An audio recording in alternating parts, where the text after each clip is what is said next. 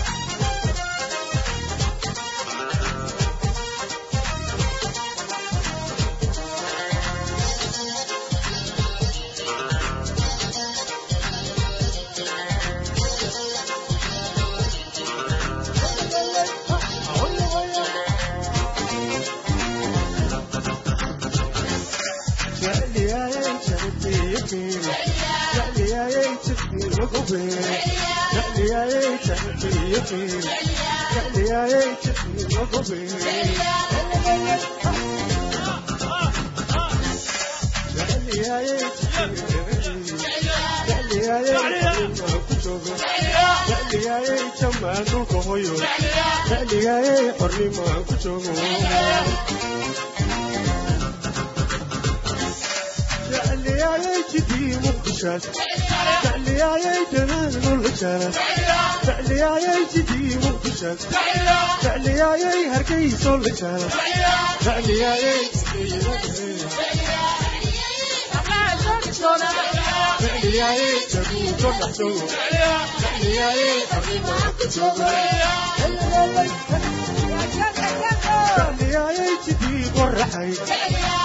فعلياي جبوت الجرس فعلياي تجيب الرحي فعلياي ورير الجرس فعلياي جبوت الرحسون فعلياي حريم الكتب فعلياي هرقي صلحتون فعلياي حريم الكتب يلا يلا يلا يلا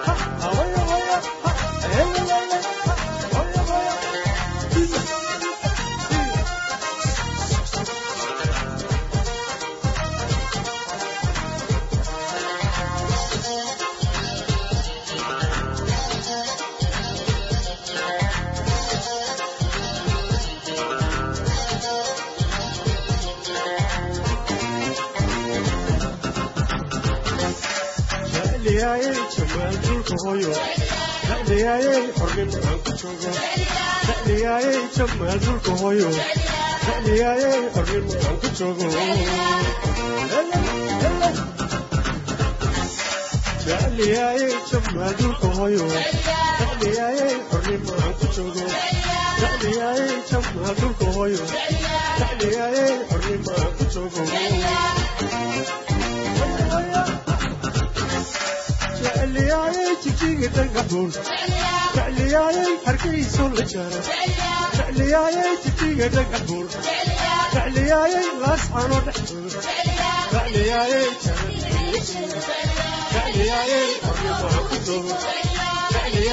jamaa dhulka hooyo jecliyayay xornimaan ku joogo jecliyayay jijiga dhagaxuun jecliyayay hargayso la jaro jecliyayay jidii qoraxay jecliyayay wadhiino la jaro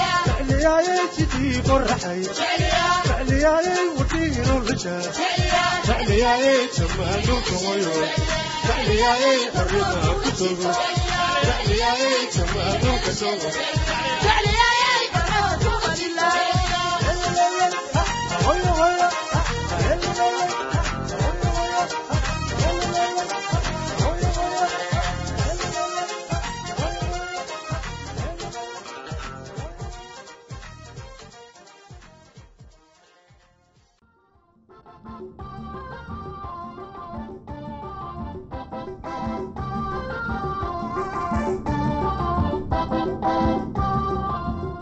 dhegeystayaasheena qiimaha iyo qadarinta mudano waxaad ku soo dhowaataan barnaamijkeenii caafimaadka ooan kaga hadlaynay la noolaanta dadka qaba aidiska mowduuciina maanta wuxuu ku saabsan yahay daryeeridda dadka qaba aidiska markaad xanuunsato dhakhtar la xiriir cunto nafaqo leh cun saxo wanaagsan ku dadaal hurdadana badso. Dumaashu waa caado aada halis u noqotay h i v-ga awgiis haddii walaalkaa geeriyoodo reerkiinu waxay rabi karaan inaad guursato xaaskiisa. Haddii walaalkaa u dhintay aidis amaba sababo kale tani waxay qof kasta u tahay halis. Ma ogaan kartid kan qaba h i v. Adiga ayaa h i v qabi karaa walaalka xaaskiisa ayaa qabi karaa h i v ama xaaskaaga ayaa qabi karaa h i v midkiin midka kale ayuu ku daran karaa h i v-ga. Ilmaha ay dhali doonaan xaaska aada horay u qabtay iyo midda aada dumaashay waxay qabi karaan h i v. Adigoo dumaalin xaaska uu walaalka ka geeriyooday ayaa caawimi kartaa waxay ku hari kartaa gurigii ninkeeda ka geeriyooday oo ay isticmaali kartaa hantidiisii iyadoo ganacsi ku sameyn kartaa ama waxay kartaa inay falato dhulka reerka. Laakiinse haddaad adiga xaaskaaga iyo xaaska walaalkaaga rabtaan in h i v aada ka badbaadaan waa inaydan ogolaan caadada dumaasha kulligiinba waxaa ugu wanaagsan in lagu ekaado hal qof oo loo galmoodo haddaad leedahay saaxiibo qaba h i v ama aidis waa inaad taageerto una naxariisatid. Wax ayaad ka baran kartaa saaxiibkaaga. Saaxiibtinimadiinu way xoogeysan kartaa waxaa kaloo ku caawimi kartaa saaxiibkaaga inuu si xaqiiq ah u noolaado. Waxaa saaxiibka isku arki kartaan meelaha aada wax ka wada cabi kartaan sida shaaha iyo cabitaanka fudud waxaad isu raaci kartaan meelaha lagu ciyaaro. Haddii adigu qabtid h i v ama aidis saaxiibadaadu waxay kaa yareyn karaan walwalka ku haystaa waxay ku dhisi karaan niyadda. Xusuusnow haddaad qabtid h i v ama aidis in saaxiibadaadu weli ku rabaan adigu ha ka go-in saaxiibadaada. Saaxiibtinimo ayaad weli u qalantaa waxaad weli tahay isla adigii. Haddii saaxiibkaagu kuula muuqdo inuu ku takoorayo ha ka xumaan waayo waxaa laga yaabaa inuu ku takooreyn waxaa laga yaabaa inaad u malayso in lagu takoorayo oo walwalka ku haya uusan lahayn sal. Waxaa laga yaabaa inay jaahil ka yihiin amase waxaa laga yaabaa inay ka cabsi qabaan in iyaguba qabaan h i v. Sida qof kasta oo kale dadka h i v ama aidis qaba waxay sameyn karaan saaxiibo hor leh. Siday u badan tahay waxay ka helaan inay samaystaan saaxiibo kale oo qaba h i v ama ids isfahan weyn ayay ka helayaan maxaa wacay isku si ayay wax u dareemayaan firfircooni iyo shaqo yeelo ka fogow inaad sigaar iyo alkohol isticmaasho. Isticmaal kondom ka digtoonow inaad rinto. Haddaad h i v ama ids qabto u adkeysigaaga infekshanka waa daciif si fudud ayaad u xanuunsanaysaa. Isla markaad dareento xanuun waxa aada muhiim u ah in aad dhakhtar la xiriirto. Xanuunyada h i v ama idiska la socda sida ay u badan yihiin waa la daaweyn karaa. Haddaadan la daahin inaad qaadato daawo waxay kaa caawineysaa inuu cimrigaaga dheeraado. Mushkuladuhu siday u badan yihiin takhaatiirtu waxay ku siin karaan daawooyin ku dareensiinaya caafimaad joojinaya inuu mashaakilku noqdo mid dhab ah. Haddaad qabto duray ama qufac u tag dhakhtar ha u ogolaan inuu isu bedelo benomia ama qaaxo haddii wax ku saraan duub oo markaas daawo raadso ha u ogolaan inuu noqdo infekshin waxaa muhiim ah in la iska daaweeyo meelaha ay joogaan dhakhaatiir khibrad leh. Waxaa iska daaweyn kartaa rugaha caafimaadka ee ku takhasusay idiska waxaa jiro rugo caafimaad oo lagu daryeelo idiska haddii qof aada jeceshahay idis qabo oo uu si tabar dareynayo ha rajo dhigin ku dhiirigeli inuu dhakhtar u tago. Daaweyntu waxay gaarsiin kartaa heer raaxo leh waxayna dareensiin kartaa caafimaad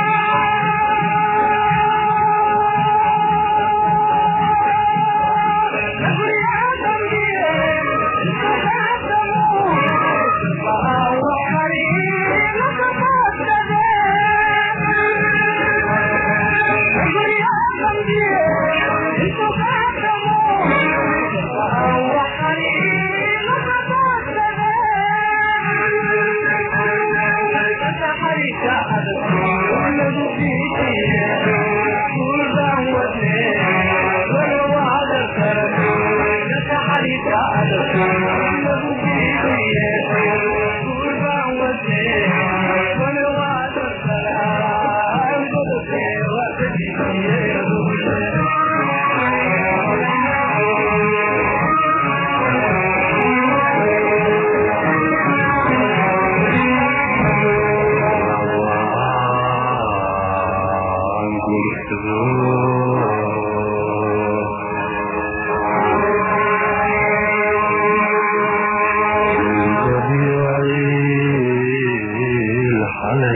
في كوره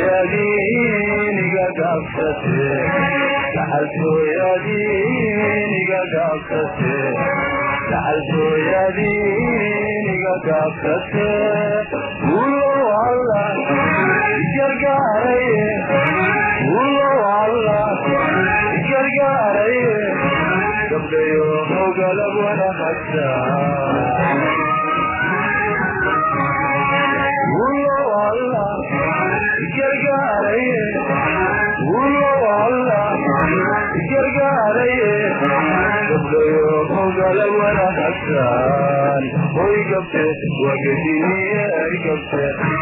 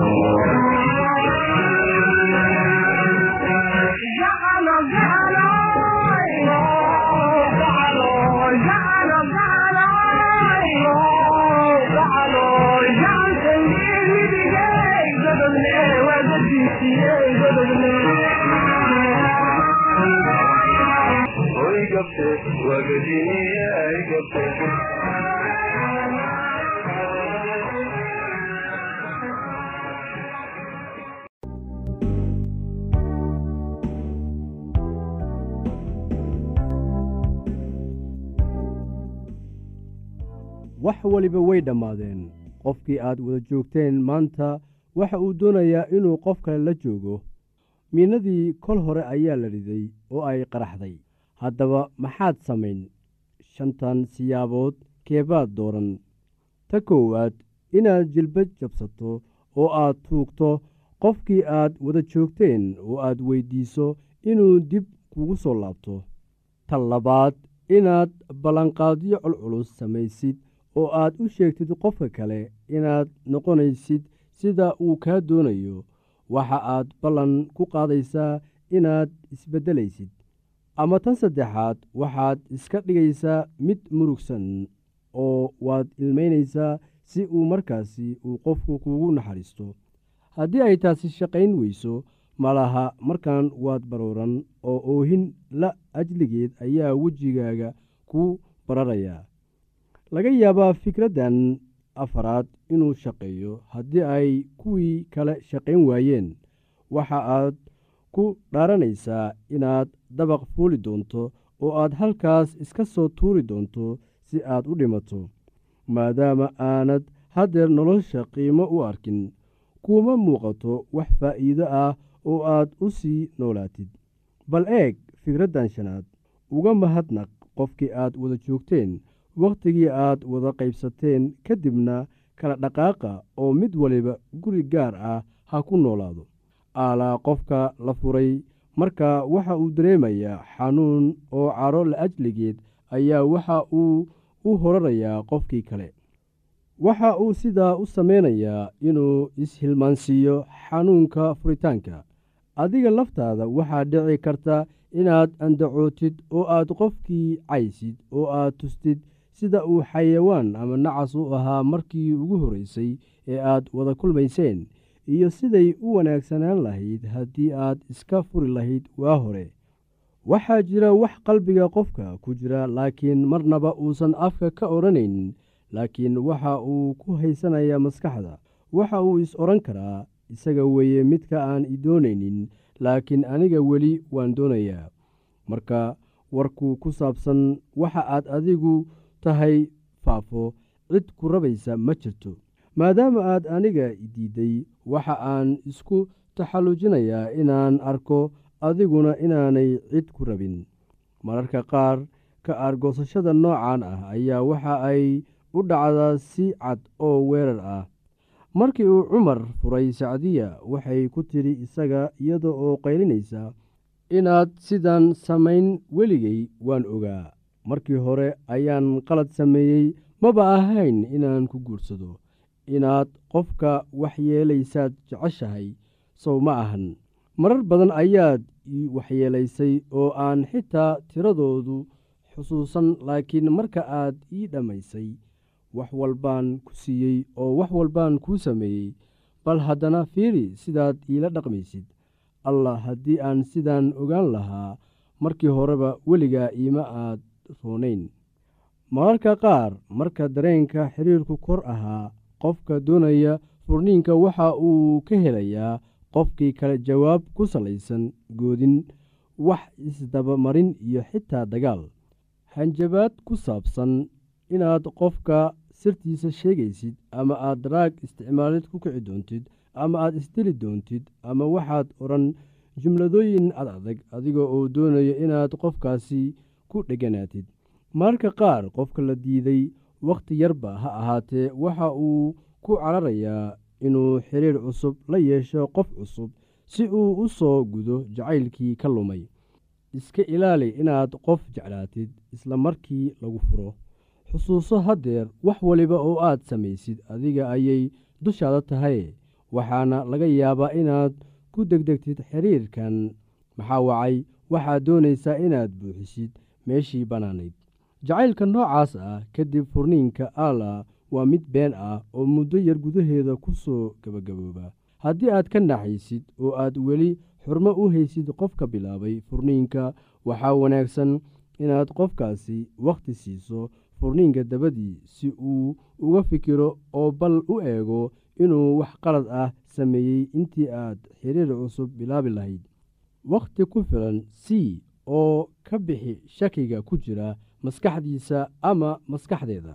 Markaan isku day inaad wax wanaajisid waxa aad qofka kale u sheegtaa in isbarashadii aad isbarateen runtii ay aad ugu wanaagsanayd oo aanad fahamsanayn sababta ay u dhammaatay laakiin haddii ay sidaa dhacday aad u rajaynaysid farxad kaamil ah.